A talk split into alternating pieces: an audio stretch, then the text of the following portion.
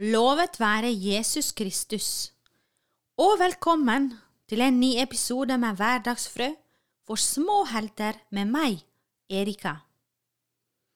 Nå er det snart helg igjen. På onsdagen snakket jeg litt om helgener, og vi snakket litt om den hellige Sunniva.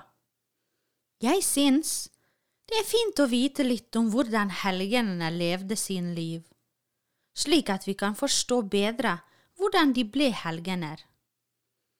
Nå skal jeg fortelle historien om livet til hellige Sunniva. Det var en gang, for lenge siden, en vakker prinsesse i et irske kongedømme som het Sunniva. Hun hadde et fint liv og var veldig snill og glad i Gud. Hun ville bare tjene Gud med alt hun gjorde. Men en dag hendte det at fienden invaderte kongeriket hennes. Noen ville tvinge Sunniva til å gifte seg, men hun ville ikke det. Hun ville leve livet sitt med Gud og gifte seg med Han alene. Men de slemme mennene aksepterte ikke hennes valg, og derfor hun måtte rømme vekk derfra. Da gikk hun i en båt og seilet sammen med vennene sine ut på havet. Sunniva stolte på Gud og lot han føre båten. De endte opp i Norge, ikke så langt fra her vi bor, på en øy som heter Selja. Men ikke heller her fikk hun være i fred. Det kom en gruppe mennesker som ville ta henne.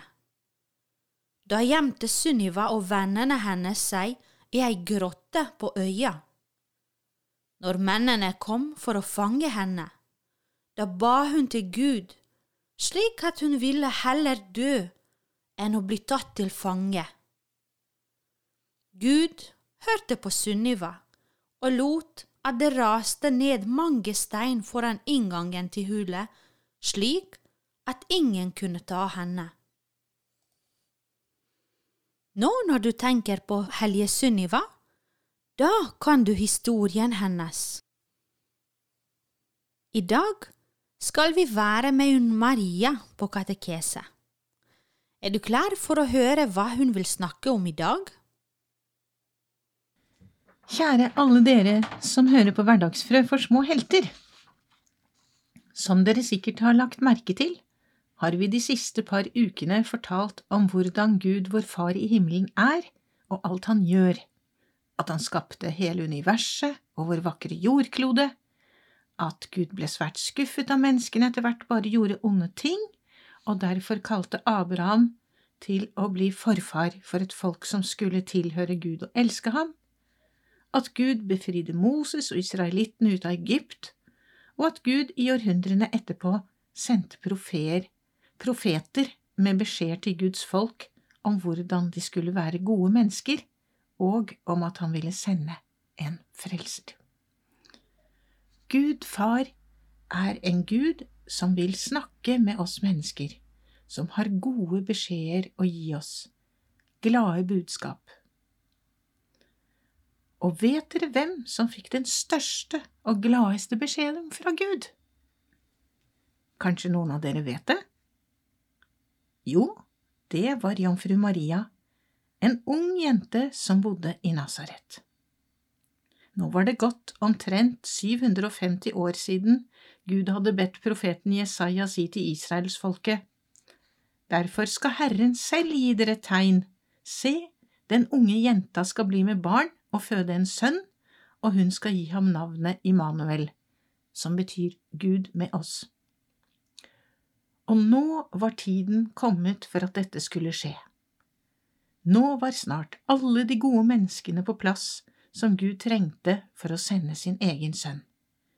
Det var som et stort puslespill av mennesker som nå var nesten klart. Bare noen få personer manglet.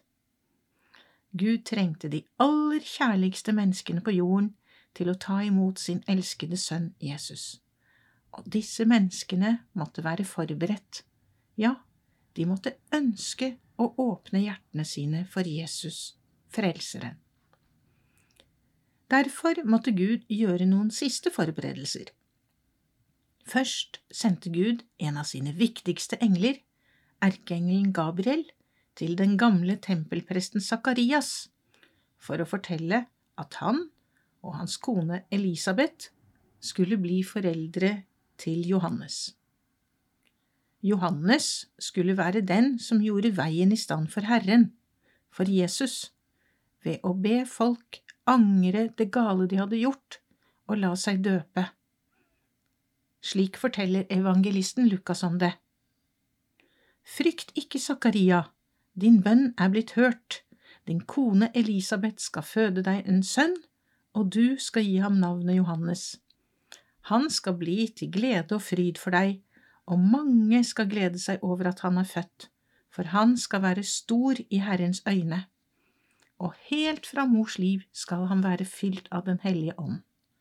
Han skal få mange i Israel til å vende om til Herren deres Gud.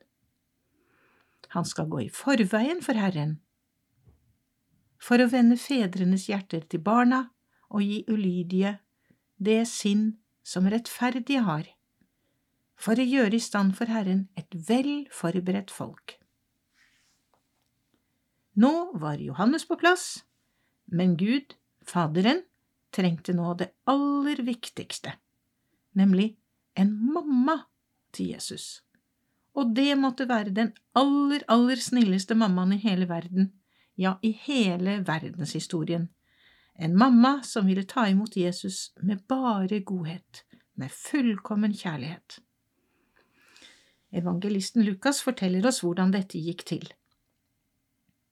Men da Elisabeth var i sjette måned, ble engelen Gabriel sendt fra Gud til en by i Galilea som het Nasaret, til en jomfru som var lovet bort til Josef, en mann av Davids ett. Jomfruens navn var Maria. Engelen kom inn til henne og sa, Vær hilset, du som har fått nåde, Herren er med deg. Hun ble forskrekket over engelens ord og undret seg over hva denne hilsenen skulle bety. Men engelen sa til henne, Frykt ikke, Maria, for du har funnet nåde hos Gud. Hør, du skal bli med barn og føde en sønn, og du skal gi ham navnet Jesus. Han skal være stor og kalles den høyeste sønn, og Herren Gud skal gi ham hans far Davids trone. Hva skulle Maria si til en så overveldende beskjed, som ville forandre livet hennes fullstendig? Maria var ung, men hun var allerede veldig klok. Hun elsket allerede Gud så høyt at hun alltid hadde lyst til å tjene ham men å bli mamma til Guds egen sønn. Noe så stort hadde hun aldri forestilt seg. Så Maria, klok som hun var, måtte først spørre engelen hvordan dette skulle gå til. Maria sa til engelen, Hvordan skal dette kunne skje når jeg ikke har vært sammen med noen mann? Engelen svarte, Den hellige ånd skal komme over deg, og den høyestes kraft skal overskygge deg. Derfor skal barnet som blir født, være hellig og kalles Guds sønn. Og hør, din slektning Elisabeth venter en sønn, hun også, på sine gamle dager. Hun som de sa ikke kunne få barn, er allerede i sjette måned, for ingenting er umulig for Gud. Nå hadde Maria fått en forklaring av engelen, og hun trodde på engelens beskjed fra Gud. Hva tror dere hun svarte? Evangelisten Lukas forteller videre. Da sa Maria, Se, jeg er Herrens tjenestekvinne. La det skje med meg som du har sagt. Så forlot engelen henne. Maria sa seg altså villig til å bli med på Guds plan. Hjertet hennes var klart og åpent for å gjøre som Gud sa, klart til å ta imot Guds ord, ta imot Guds sønn Jesus. Nå kunne Jesus endelig komme til verden, for å lære oss mennesker å leve helt slik Gud vil, i bare godhet og kjærlighet. Det er ikke alltid like enkelt å leve slik, men vi kan øve oss på det hver dag. Og vi kan hver dag spørre Maria om hjelp til å gjøre alt det gode Jesus ber oss om i evangeliene.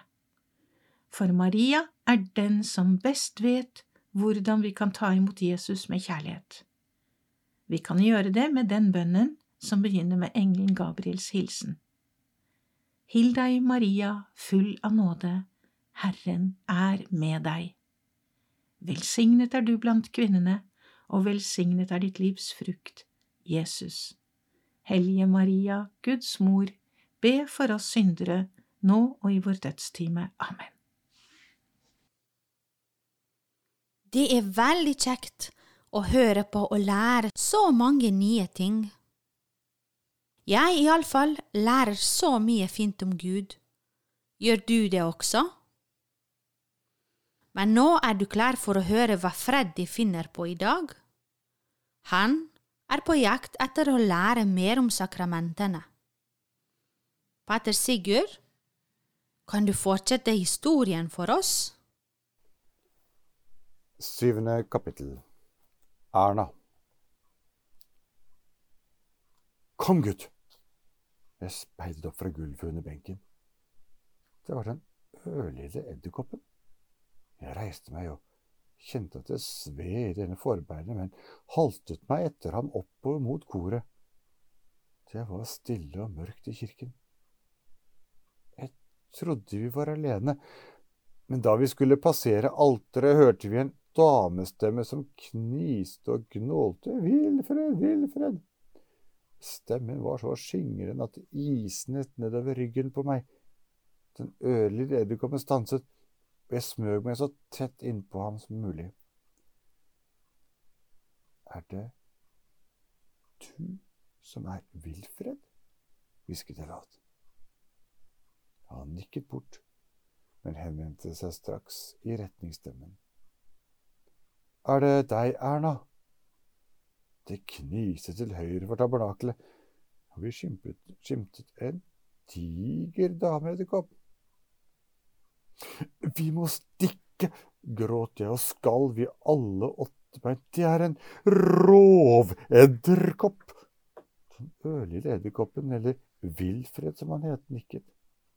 Det er eh, Erna, sa han, akkurat som det spilte noen rolle hva han het. Hva skjer da, Erna? Du er så blid. Jeg hørte henne le en grov og skremmende latter. Jeg har fått kjæreste, Wilfred. Wilfred ristet svakt på hodet, sukket og himlet lett med øynene. Det fikk Erna til å frese. Men Wilfred, sa hun hovent, skal du ikke spørre hva han heter? Det pleier du alltid å gjøre. Hva heter han, Erna? spurte han kort. Hans. Flott navn, Erna.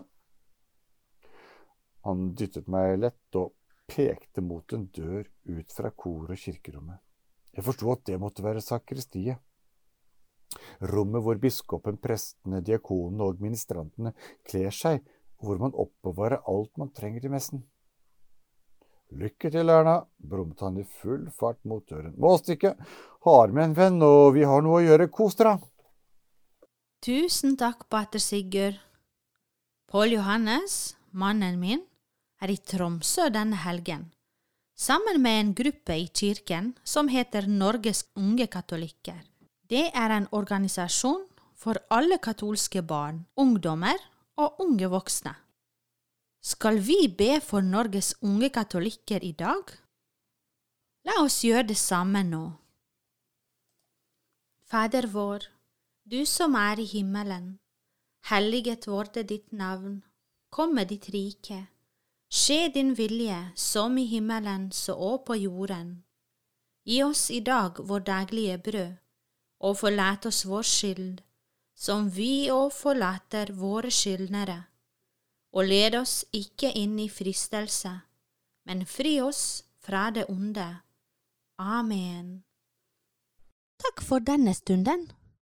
Så høres vi snart igjen i neste episode.